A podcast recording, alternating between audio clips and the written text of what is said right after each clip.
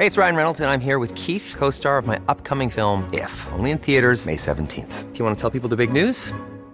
All right, I'll do it. Sign up now and you'll get unlimited for $15 a month in six months of Paramount Plus Essential Plan on us. Mintmobile.com slash switch.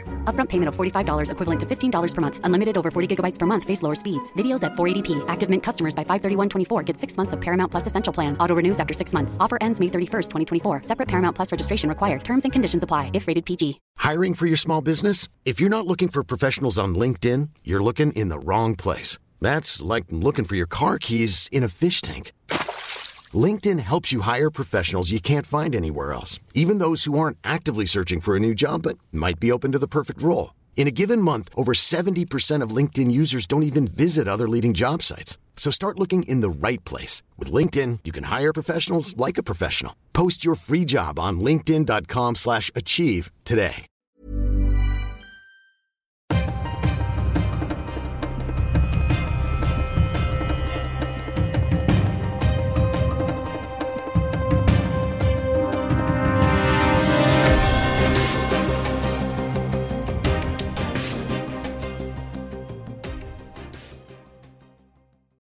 Sådär, då säger vi än en gång hej och mycket varmt välkomna till ännu ett nytt avsnitt av dagens Juridikpodden. Det sista avsnittet i maj månad 2023. William Eriksson här som vanligt vid mixerbordet med mig som brukligt Stefan Wahlberg. Hur är läget? Jo, det, men det är bra här och det är sista i maj men vi kommer ju köra hela sommaren som vi gjorde förra året och det visar sig att vår lyssning i hängmattan och på badstranden var bättre än, än i säsongerna till och med om jag inte minns fel på lyssnarstatistiken. Exakt, vi spelade in från hängmattan och ni lyssnade från hängmattan eh, i andra delar av Sverige och världen. Det gladde oss båda.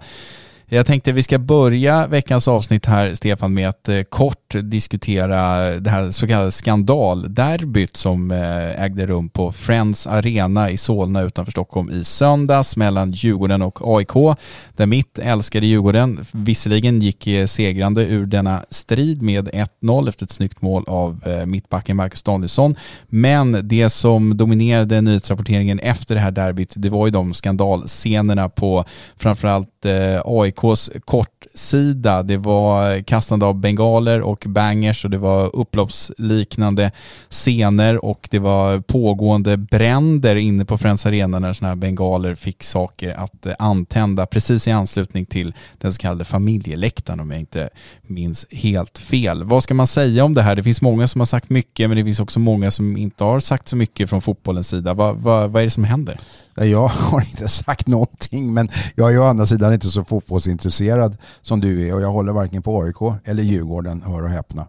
Eh, men eh, det är förskräckligt utifrån ett perspektiv som naturligtvis man kan inta utan att, vara fotbollsfantast. Eh, är, är, är, faktiskt har väldigt länge varit svårt förundrad över att ett, man kan få in de här eh, pyrotekniska historierna på de här arenorna trots som jag har förstått i alla fall utmålat det som en, en, en, stor säkerhet vid inpasseringen.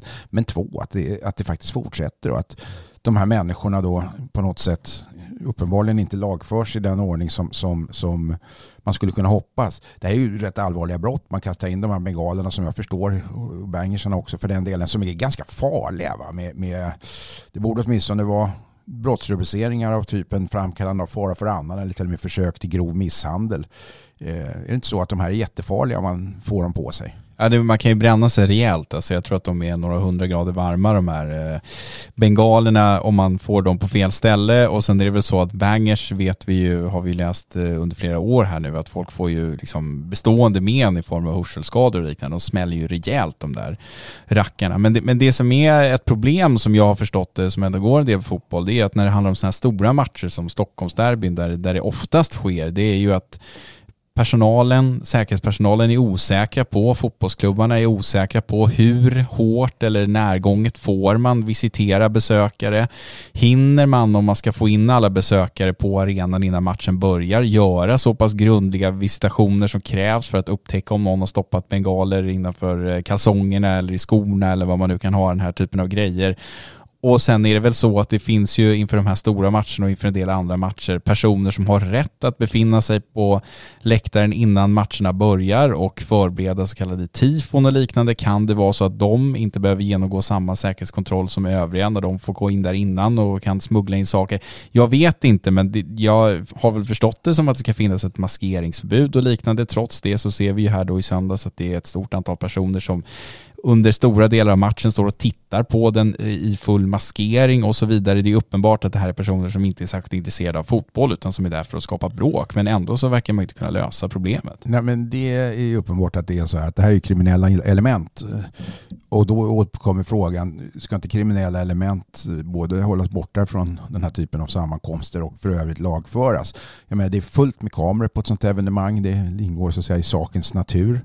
Det är fullt med människor som representerar polis och övrigt ordnings, ordningsupprätthållande eh, och upprätthållandet och, och eh, det, det här du säger om maskeringarna och maskeringsförbudet skulle väl också kunna upprätthållas och då skulle det bli ganska svårt att kasta bangers om det är kameror som filmar allt och i dagens läge med zoom-objektiv zoom och så vidare. Jag vet inte, jag, jag, bara, jag bara, det känns som om det är konstigt för mig som inte är fotbollsfantast att brott av den digniteten kan begås på en sån liten yta med så många närvarande människor, så starka bevismöjligheter och inte minst hög närvaro av polisen.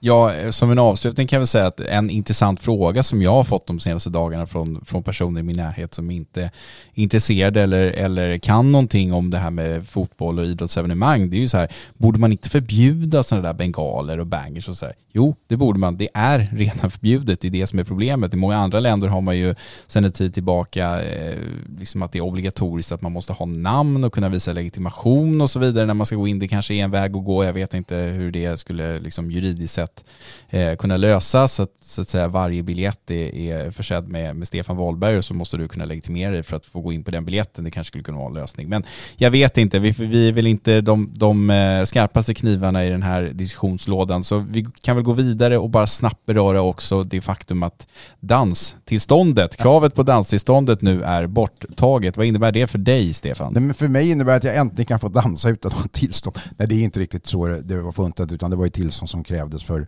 för, personer som anordnade eller företag som anordnade dans att, att ha tillstånd. Men enligt min uppfattning så är det utomordentligt positivt i alla, av alla möjliga skäl. Dels är det ett, ett tecken för någon form av tecken på, för, för, för frihet att man faktiskt kan få, få dansa även spontandans i, i, när man är glad på en krog utan att eh, krogägaren ska kunna dömas. Och det, eh, ja, men vi, vi har ju skrivit om det. Jag råder mig med att ta fram en gammal artikel i Dagens Juridik från 2014, 1127, där vi skrev om en dom mot en, en, en eh, krögare i Gävle. Där, där, rubriken var Här är polisens spaningsbilder som avslöjar den olagliga dansen. Och sen var det en underrubrik, ett citat som stod så här. De rörde sig i takt till musiken. Och det var jättemånga som hörde av sig efteråt och trodde att rubriken och, och, och så där syftade på den olagliga dansen, att det kunde vara någonting som moralpolisen i Iran hade ingripit emot eller någon annan repressiv eller auktoritär stat eh, innan man förstod att det här var Gävle och det var svensk polis som hade lagt spaningstid på att, att de facto eh, ja, få den här krögaren lagförd för det här brottet. I den meningen så, så, så, är det här en positiv lagändring. Sen är det positivt rent principiellt därför att det här är den första avkriminaliseringen i, i, i, som jag kan komma på på många, många år som har skett i Sverige där vi faktiskt avkriminaliserar en gärning. Allting går ju annars mer och mer i, i den enligt en linje som liksom är ett självspelande piano för att den så kallade demokratin eller framförallt representativa demokratin ska ha ett existensberättigande. Det vill säga vi måste stifta lagar och bestämma och planera och organisera andra människors liv. Eh, det är ju det som är vårt uppdrag och om vi inte gör det så, så eh, har vi ju inget existensberättigande. Och vilket är orsaken till att vi har ibland en fullständigt överreglerad och lagstiftad ordning i samhället. Men det här är en avkriminalisering så det är ju positivt att någon gärning inte längre ska ses som så klandervärd att den, att den är, är, är straffbar. Mer dans och kanske även mer avkriminalisering eh, till folket. Vi får väl gå ner här på vår lunchrestaurang Panini i centrala Stockholm och dansa loss lite när vi är klara med podden här. De har ju knappast haft danstillstånd tidigare så då kan vi ju visa att nu är det fritt fram för det. Eller hur? Ja, just Panini av alla ställen. Det är perfekt. Trångt mellan borden. Ja, var som helst. Ja. Cha-cha. Låt oss gå vidare Stefan. Vi ska slänga på en jingel och sen så ska vi diskutera en eh, skandal om susad juristbyrå som nu blir material för en dokumentärfilm i SVT.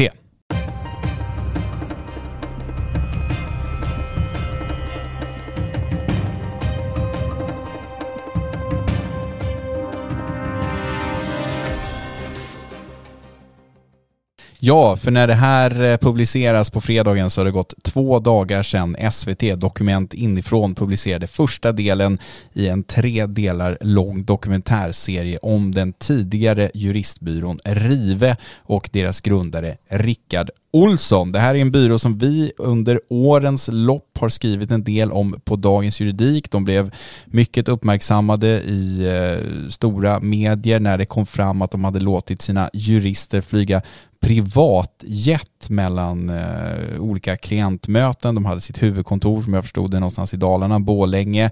Och sen så påstod man på hemsidan att man hade olika lokalkontor i olika delar av Sverige, vilket man kanske hade. Och då för att eh, enligt bolaget själva då spara på utgifterna eller kostnaderna för tidsspillan så hade man en privat privatjet som man då åkte fram och tillbaka mellan de här klientmötena och sen så debiterade man sina klienter den kostnaden. Den här Rickard Olsson som då grundade byrån har ju varit eh, uppmärksammad tidigare i olika sammanhang och sitter i en intervju och berättar lite om sina egna tankar kring den här byrån som sen gick i konkurs och sen blev nya byråer och och eh, slutade väl i någonting som heter Arbetsrättsexperten om jag inte minns helt fel. Det som kommer fram i den här första delen är bland annat att han då enligt tidigare kollegor påstås ha uppmanat dem att skapa en massa fejkade Google-konton som de sen har gått in och recenserat den här juristbyrån och gett dem fem och fyra stjärnor och sagt att oj vad bra eh, liksom hjälp och rådgivning vi fick här och si och så.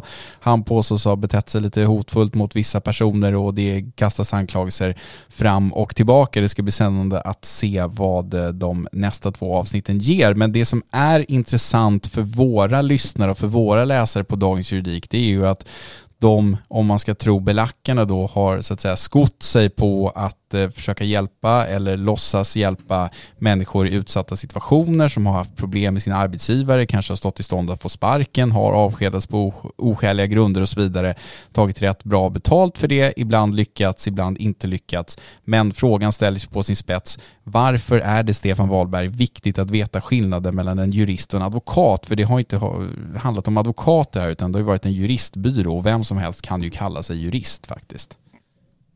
Ja, det kan man göra. Det är ingen så kallad skyddad titel, vilket advokat är. Advokat är till och med skyddad så tillvida att vi i brottsbalken har en särskild bestämmelse som, som kriminaliserar eh, de, eh, den som utger sig för att vara advokat och inte är det. det brottet heter föregivande av ställning såsom advokat och är straffbart.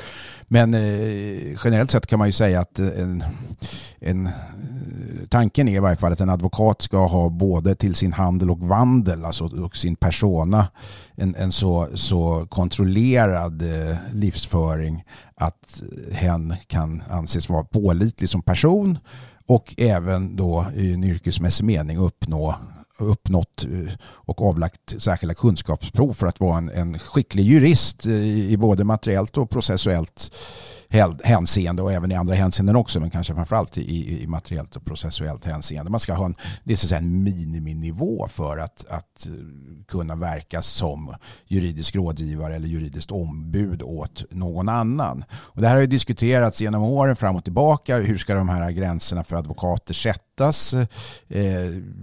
Det finns eh, vissa som brukar peka på att den svenska advokatkåren må ha en viss höjd men den är fullständigt bottenlös. Och det har inte minst våra diskussioner här de senaste åren också inte bara pekat på utan också visat sig genom en rad uteslutningar. Men på det stora hela så kan man nog med, med gott samvete och utan att göra sig för talesperson för, svenska, för Sveriges advokatsamfund säga att, att i någon mening är det en, en, Eh, om inte en garanti så i alla fall en kvalitetsstämpel att vända sig till en advokat därför att det åtminstone är möjligt att i efterhand eh, kunna få eh, vissa, vissa eh, kompensationer, ersättningar och ansvarsutkrävande av en advokat som faktiskt inte sköter sig. Det går inte om man vänder sig då till en juristbyrå.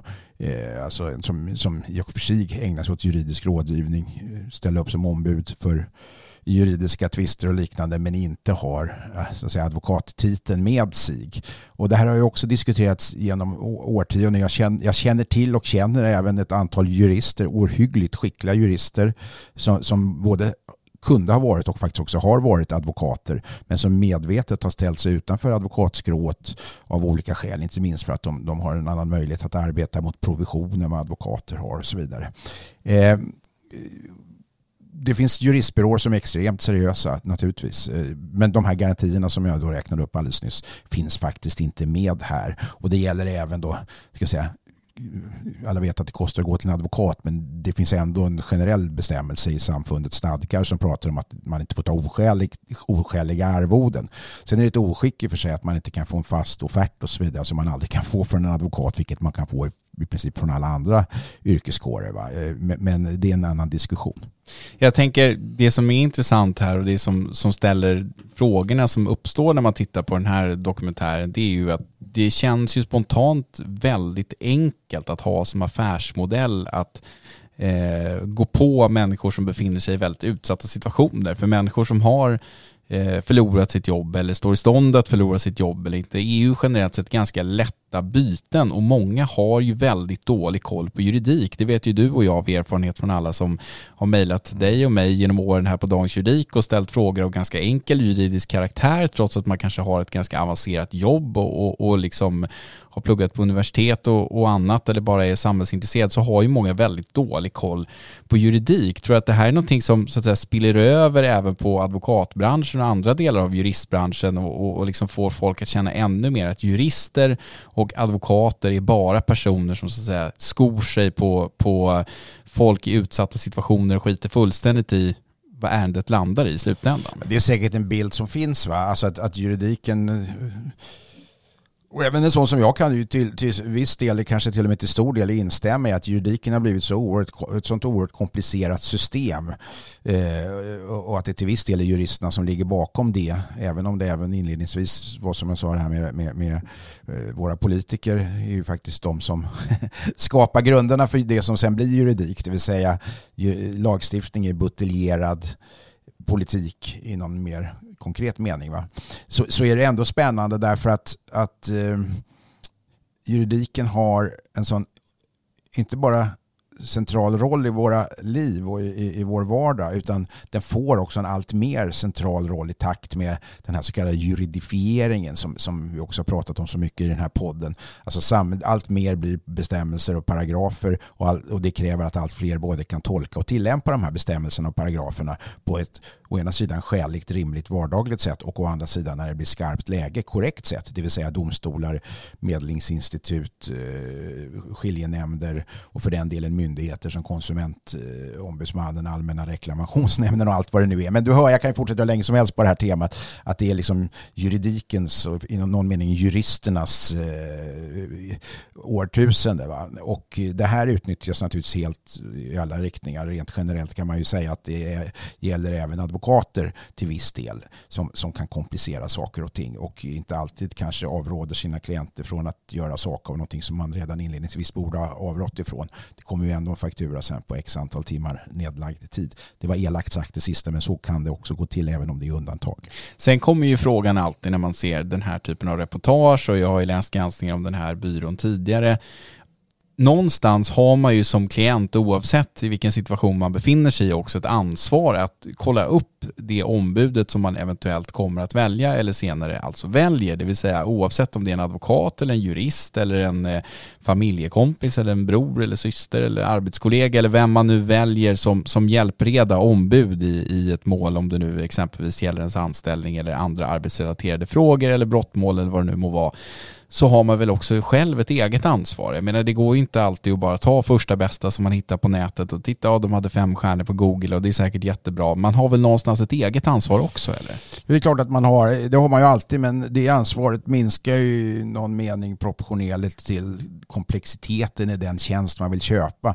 Det vill säga din möjlighet att kontrollera en, en, en uh, thoraxkirurg eller en, eller en eh, neurolog när du behöver hjälp med det. Den är ganska liten, alltså att i sak fastställa eh, kompetensen hos den här kirurgen kan man ju minst sagt säga. Och samma sak får man nog säga är ganska komplicerade juridiska frågor, vare sig det rör sig om ekonomisk familjerätt eller man behöver en, en eh, arbetsrättsjurist som i det här fallet. Och när det då kommer till vad kostar de här, oh, de kan så mycket och det är så komplicerat så det är klart de tar mycket betalt. Va? Men i, i det här fallet med Rive så är det trots allt så att Patent och marknadsdomstolen har slagit fast att deras marknadsföring har varit vilseledande och, och otillbörlig och att man då hotar med vite till och med från domstolens sida om inte korrekt prisinformation skulle lämnas i framtiden. Och det där är på något sätt ändå grunden för affärsmässighet att man levererar någonting som man tar skäligt betalt för och att det är rimligt att i förväg också kunna förutse hur dyrt kommer det här att bli. Va?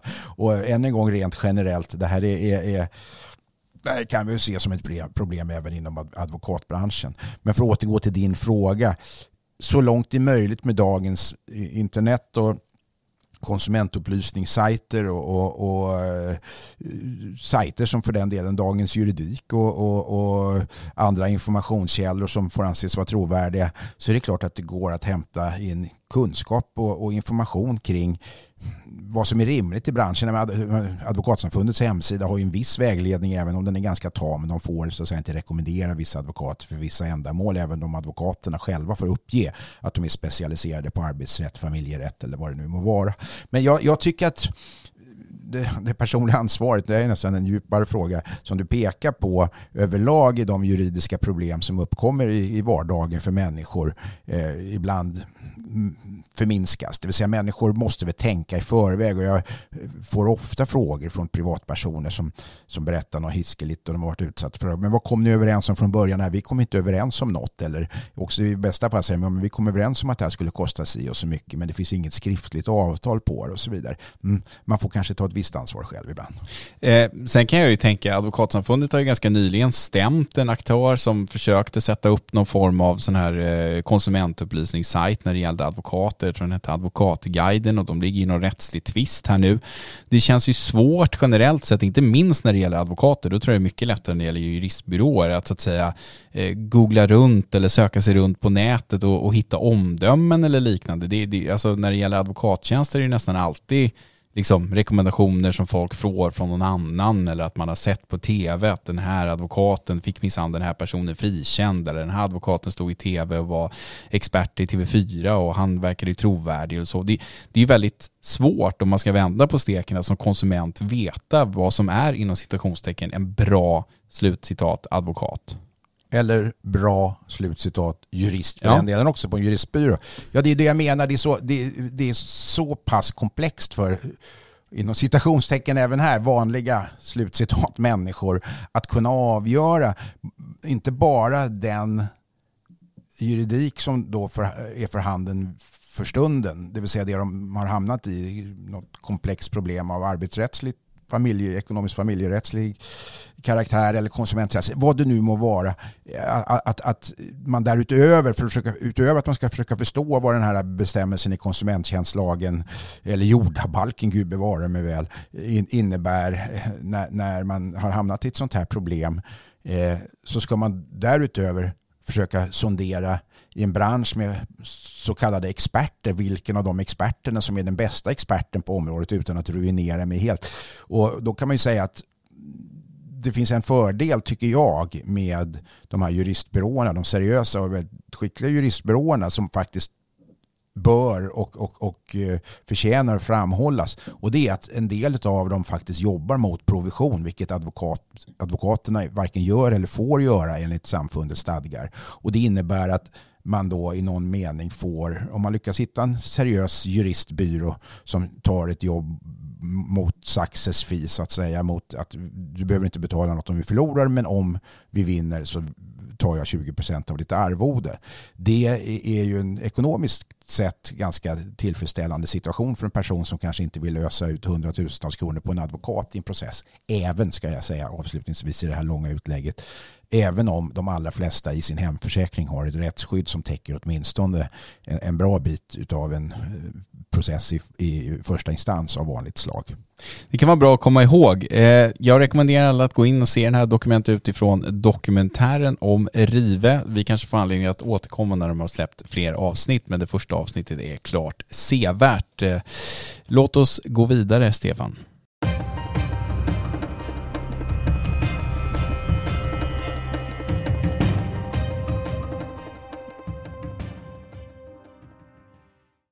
Nu ska vi prata övergrepp i rättssak. Det är ett eh, brott som ofta leder till eh, upprördhet när vi skriver om det på Dagens Juridik, i synnerhet om det är någon person som frias för brottet. Jag tänkte att vi skulle prata lite konstruktionen av den eh, bestämmelsen här, för vi har nyligen i veckan skrivit om ett fall där en man hotade sin tidigare ex, eller sin tidigare partner i rättssalen. Det här bevittnades då bland annat av rättens ordförande och andra personer, kriminalvårdare och protokollförare och sådär som satt i tingsrätten.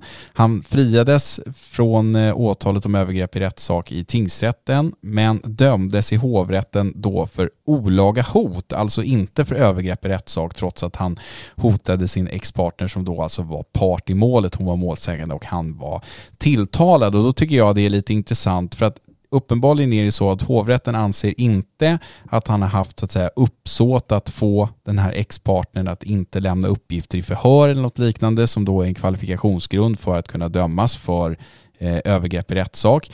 Men i mina ögon så kan det ju inte bli så mycket mer övergrepp i rättssak än att man hotar en målsägande när man själv är tilltalad.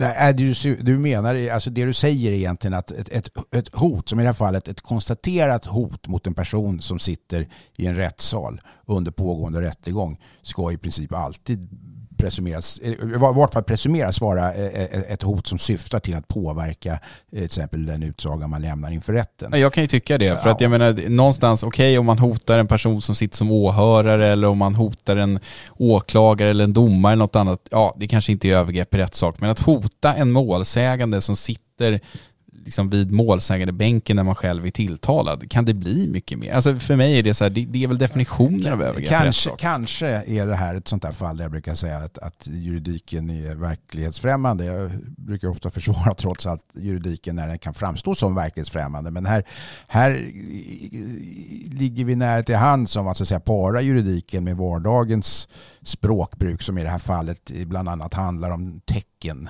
som inte är svårtydda i vardagen men som möjligtvis kan pratas bort i, i, i juridiska sammanhang. Att man till exempel drar sitt finger från den ena sidan av halsen till den andra.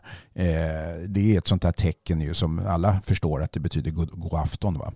Eh, om det görs i en kontext och i ett sammanhang där det då är uppenbart att syftet är att framställa ett hot i en situation där då fortsättningen på till exempel en rättegång kan bli avgörande för, för utgången av rättegången så är det klart att det skulle kunna anses vara övergrepp i rättssak precis som, som åklagaren säger här i, i sitt åtal också. Eh, och eh, nu är det inte bara det här teckenspråket utan det sägs ju faktiskt en del ganska hårda saker här. Det är en annan fråga som, som, som eh, i varje fall kommer upp i mitt huvud. Jag vet att det är lätt att sitta utanför och så här efteråt och vara efterklok men det, att sånt här överhuvudtaget kan pågå i rätt rättegångar och i våra domstolar eh, och inte avbrytas omedelbart. Det avbröts ganska snabbt i och för sig. Men hur snabbt? Det, det, det, framgår inte riktigt av domen va? Nej. Det han, till, det han framföras tillräckligt mycket för att vi i varje fall sitter här och diskuterar om det idag. Men att det avbröts var ju i och för sig jättebra men, men i någon mening så känns det så konstigt att Ja, men Dingsfrid är någonting som, som, som är, vi har lämnat bakom oss uppenbarligen. Och eh, jag tror att svenska domstolar överlag måste bli mer vaksamma på sånt här. Därför att det,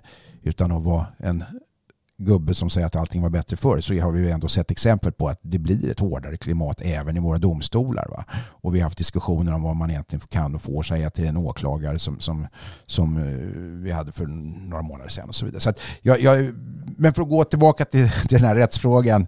Eh, och inte Skulle man inte kunna snäva till bestämmelsen lite, för, eller snarare öppna upp den, göra den lite bredare? För om det nu är så att man bara kan dömas för övergrepp i rättssak om man kan liksom bevisas ha haft uppsåt att få en person att vara tyst eller inte lämna uppgifter eller dra tillbaka en polisanmälan eller liknande.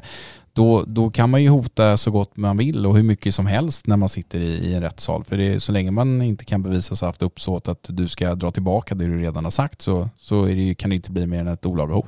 Jag kan säga så här, jag hade inte legat sömnlös på natten, vilket jag ju många gånger annars eh, kan göra efter att ha läst tveksamma domar. Men i det här fallet skulle jag inte legat sömnlös på natten av att att eh, de hade fällt honom eh, därför att de ändå konstaterar i hovrätten att det har förevarit ett olaga hot. Det är han ju till och med dömd för i hovrätten. Men att det av sammanhanget och, och utifrån, utifrån den situation som det här olaga hotet, hotet uttalades i eh, får anses uppenbart att syftet var att på ett eller annat sätt påverka hennes utsago inför rätten och därmed utgången av det då pågående målet. Jag hade inte blivit jätteupprörd om det stod så. Jag tror det hade passerat förbi oss. Vi hade inte tyckt att det var en rättsskandal med lågt ställda krav på rättssäkerhet och, och bevisning. Nej.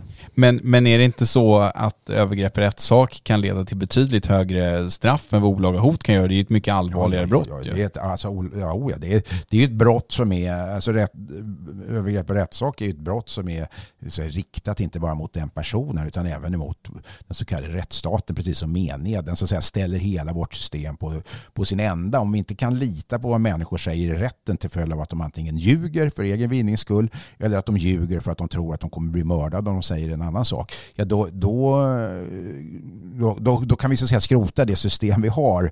Eh, I, varje fall beträffande eh, edsvurna vittnen och, och för övrigt målsägande och den tilltalades utsago också. Det, det, det, blir på något sätt den effekten man får och därför så är det jätteallvarligt. Och då menar jag så här, vad, vad tror du att man skulle kunna ha för syften med att hota en målsägande när man sitter i rättssalen? Om man inte nu vill att den personen inte ska säga sanningen. Det är ju en generell... Jag ställer en öppen fråga som om jag vore en försvarare här. Ja, men det, är klart att, det, är klart att det, det är klart att det finns också tillfällen där människor av känslomässiga skäl som befinner sig i en rättssal kan ut, utöva hot och tvång som inte har direkt syfte att, att påverka utgången av målet. Det är klart att det finns sådana situationer.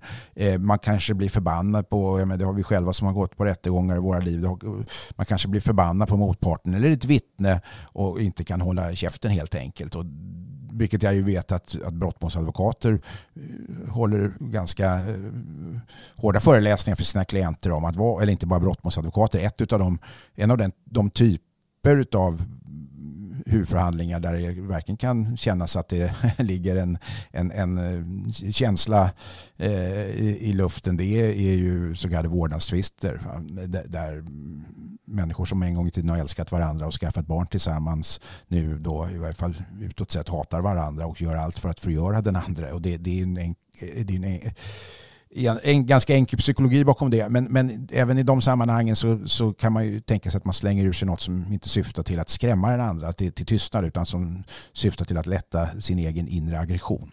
Men jag, jag, tänker bara att när jag läser den här domen så, så finns det ju inte någonting i den här eh, nu dömde mannens utsaga eh, som tyder på att han har liksom sagt att han inte skulle haft något uppsåt att hota en. Han nekar ju till brott Eh, liksom helt och då menar jag att jag förstår inte riktigt hur hovrätten har kommit till slutsatsen att han inte skulle haft något uppsåt. Jag, jag kan liksom inte läsa mig till det och då kommer vi tillbaka till grundfrågan. Borde han inte trots allt ha dömts för övergrepp i rättssak här? Ja, det är ju ändå domstolen som ska kunna, kunna motivera varför han i så fall skulle haft ett uppsåt till inte bara den konkreta delen av gärningen som han faktiskt döms för, nämligen olaga hotet, utan också att hans syfte med hotet var att, att påverka eh, Eh, utgången av målet eller hennes eh, hennes eh, sätt att fortsättningsvis agera i rättssalen. Det är väl lite grann det det handlar om här. Men jag, jag, visst, jag, jag, än en gång, jag behöver inte upprepa det jag sa tidigare. Jag tycker att det ligger så pass nära att man ändå kan säga så som man möjligtvis skulle kunna ha gjort här. Att av sammanhanget framgår och så vidare. För jag tänker att det har ju diskuterats mycket om övergrepp i rättssak. Jag tror till och med att den här bestämmelsen, om det nu ligger på förslag eller om det redan är gjort, att den ska utvidgas. För man har pratat om att det är problematiskt med vittnen som inte vågar vittna, som drar tillbaka sina förhörsutsagor med det klimat, tystnadskultur eh, som råder och så vidare. Det här vore väl ett bra sätt då om man nu skulle kunna säga att ja men all hot, allt sånt liknande som sker i en rättssal ska betecknas eller dömas som övergrepp i rättssak. Ja, det, det, det vore inte orimligt tycker jag. Det vore inte en sån utvidgning av bestämmelsen som, som skulle leda till att alla dömdes för övergrepp i rättssak till höger och vänster utan det skulle ju bara mm. vara skäligt. Man skulle alltså till och med kunna göra, tänka sig en, en, en B-paragraf till, till övergrepp i rättssak i övrigt som säger att om, den, om det som uttalas i en rättssal uttalas på det sättet så ska det under alla omständigheter alltid vara försvårande att kallas för till exempel övergrepp i rättssak ja. eh, utan att man då ens behöver påvisa eller, eller bevisa ett avsiktsuppsåt hos den som, den som agerar utan bara det blotta faktum att man gör det i en rättegång i det här fallet dessutom precis innan hon själv ska höras. Vill jag ja och jag kan ju tycka att det vore rimligt för det vore också att sätta fokus på domstolsväsendets liksom, arbetsmiljö. Alltså det vore ju att stärka arbetsmiljön för de som jobbar som domare eller som sitter som eh, nämndemän eller personer som i övrigt jobbar i domstolen, säkerhetspersonal, kriminalvårdare, ja. poliser. Att, alltså jag, jag tycker det vore också, liksom ett rimligt sätt att agera på. Eller också höjer man upp brotten, gör ett, ett särskilt brott eh, som ut, alltså brott som faller... Alltså som en rättegångsförseelse ja, ja, fast det är exakt, grövre sådana. fast det är ett grövre brott. Precis där vill jag landa. Det vill säga att brott som, som riktar sig mot, mot eh, person eller ära eller de här vanliga brotten som, som på ett eller annat sätt utövas i aggression och våldssamma sammanhang eh, om de begås inom ramen för, eller inom en domstolsbyggnad eller inom ramen för till och med en rättssal, så ska de alltid anses vara utav eh, en viss allvarlighetsgrad och rubriceras på ett visst sätt. Och eh, därmed skulle man kunna komma undan det här och så göra ett artbrott som, som, som då leder till fängelse. Ja, det är väl inte otänkbart. Du, som en eh, sista grej som vi hinner med idag, Stefan, innan vi tackar för oss och stänger butiken så tänkte jag att vi skulle prata om en så kallad klimataktivist som ganska nyligen blev friad i hovrätten. Det är en ung eh, tjej, 17 år gammal, som eh, dömdes i tingsrätten för sabotage men friades i hovrätten med motiveringen att eh, domstolen inte ansåg att det rört sig om en så allvarlig störning av den allmänna samfärdseln som får anses ha avsetts med sabotage. Bestämmelsen, hon var en av dem som eh, blockerade en gata i Stockholms innerstad eh, tidigare i år, eller om det var i slutet av förra året. Och det här är någonting som har varit på tapeten ganska länge. Vi har ju sett de här klimataktivisterna med sina eh, skyltar och banderoller på allt från Melodifestivalen till eh, Let's Dance och vad det nu må vara vara och olika gator och torg i Sverige. Men det här tror jag faktiskt är den första friande domen i sitt slag. En del klimataktivister har ju uttryckt att den är extremt viktig. Det visar att de har en möjlighet att fortsätta utöva den här typen av demonstrationer. Eh, vad säger du? Ja, alltså jag, jag, säger att det här är en tolkningsfråga där, där domstolen har, har tittat på både, som jag förstår förarbeten och och, och, och annan, andra rättskällor kring hur det här rekvisitet eh, att, att, eh, den allmänna samfärdseln. Ja, den allmänna samfärdseln och hotet på den. Det, det, det, står uttryckligen, om jag inte minns fel i bestämmelsen, att det ska vara en så allvarlig störning av den allmänna samfärdseln eh, att, att, eh, som har, eh, har lett till, till då en påverkan. Och då menar man att det räcker inte med att det är en störning i största allmänhet utan den ska vara så pass allvarlig att den lever upp till lagstiftarens krav här. Och då kan man fråga sig vad är lagstiftarens krav? Och här kommer, kommer hovrätten fram till att eh, det, det inte är avsett för sådana här situationer nu var de väl oeniga i sammanhanget hovrätten. Så det här är dessutom en av de få tillfällen där det kanske finns anledning att få det prövat i högsta domstolen. Därför att vad innebär då uttrycket att det ska vara en allvarlig störning? Ja men jag tror i det här sammanhanget, om jag inte minns helt fel, så var ju domstolen inne på det att det hade liksom inte kommit några utryckningsfordon till exempel som blev stoppade av den här aktionen. Utan det var väl någon buss och, och lite privata bilar och taxibilar och sådär som möjligtvis fick stanna och som inte kom fram på den vägen där de satt och blockerade. Det skulle ju kunna vara då till exempel eh, om Eh, det är så att det krävs att det är ett utryckningsfordon, en polisbil, en brandbil, en ambulans eller någonting som inte har möjligheten att passera aktivisterna för att komma till ett sjukhus eller, eller göra ett polisingripande eller liknande. Det kanske är en så pass allvarlig störning av samfärdseln som krävs, eller vad tror du? Jag vet inte var, var, vart det här ska sluta. Jag, jag, skulle faktiskt inte bli förvånad över eh, att eh, en sån här fråga kommer upp i Högsta domstolen. Därför att bestämmelsen om sabotage och de här lydelserna, det är ju ganska ny materia att hantera. Och det här är ju en klassisk bedömningsfråga där man faktiskt kan sätta upp vissa kriterier genom praxis som ska vara uppfyllda för att den ska anses vara så allvarlig. Även om det alltid som vanligt kommer sluta med att det ska avgöras från fall till fall.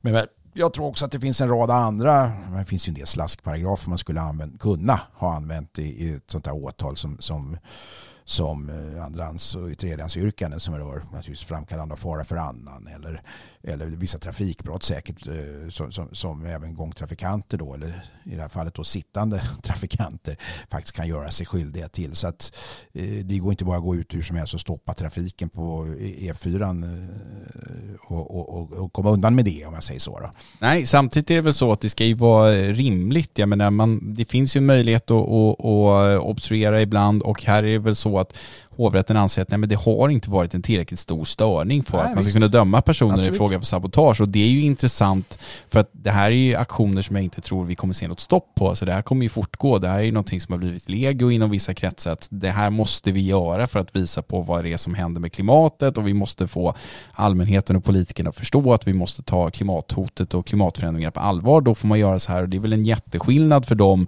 om det nu är så att inte det innebär per se att man kommer dömas för sabotage för att man sätter sig mitt i vägbanan. Det är väl så här att eh, den här bestämmelsen om sabotage är väl som, som så mycket annat, i alla fall som alldeles för mycket annat i lagstiftningen, då ett, eh, ett mellanmjölksresultat efter att ha, ha valsat igenom ett antal remissinstanser och lagrådet och, och berätts i utskott och så vidare. Så till slut så har man då kommit fram till en, en lösning som eh, där man har beaktat situationer som inte bör vara straffbara. Så brukar det ofta vara i sådana här sammanhang.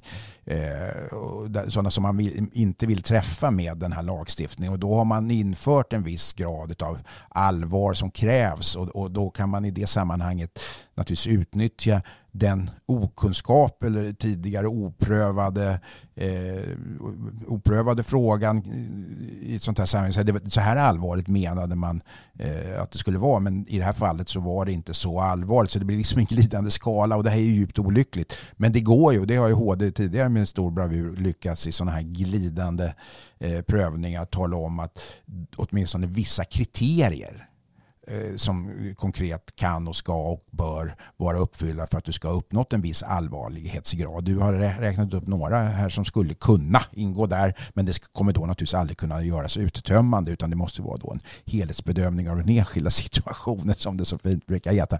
Men jag tycker att det är intressant va? Och, och, och om det inte var så här lagstiftaren avsåg så är det rätt att hon har friats. Punkt slut. Så är det. Punkt slut. Det som också är punkt slut, det är den här podden, den sista podden för maj 2023.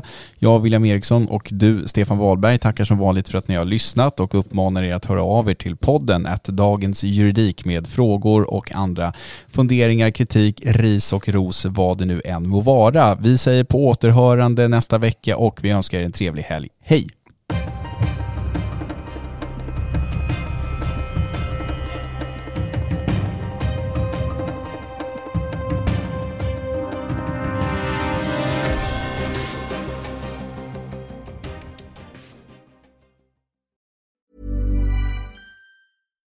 When you make decisions for your company, you look for the no-brainers. And if you have a lot of mailing to do, stamps.com is the ultimate no-brainer. It streamlines your processes to make your business more efficient, which makes you less busy. Mail checks, invoices, legal documents, and everything you need to keep your business running with stamps.com.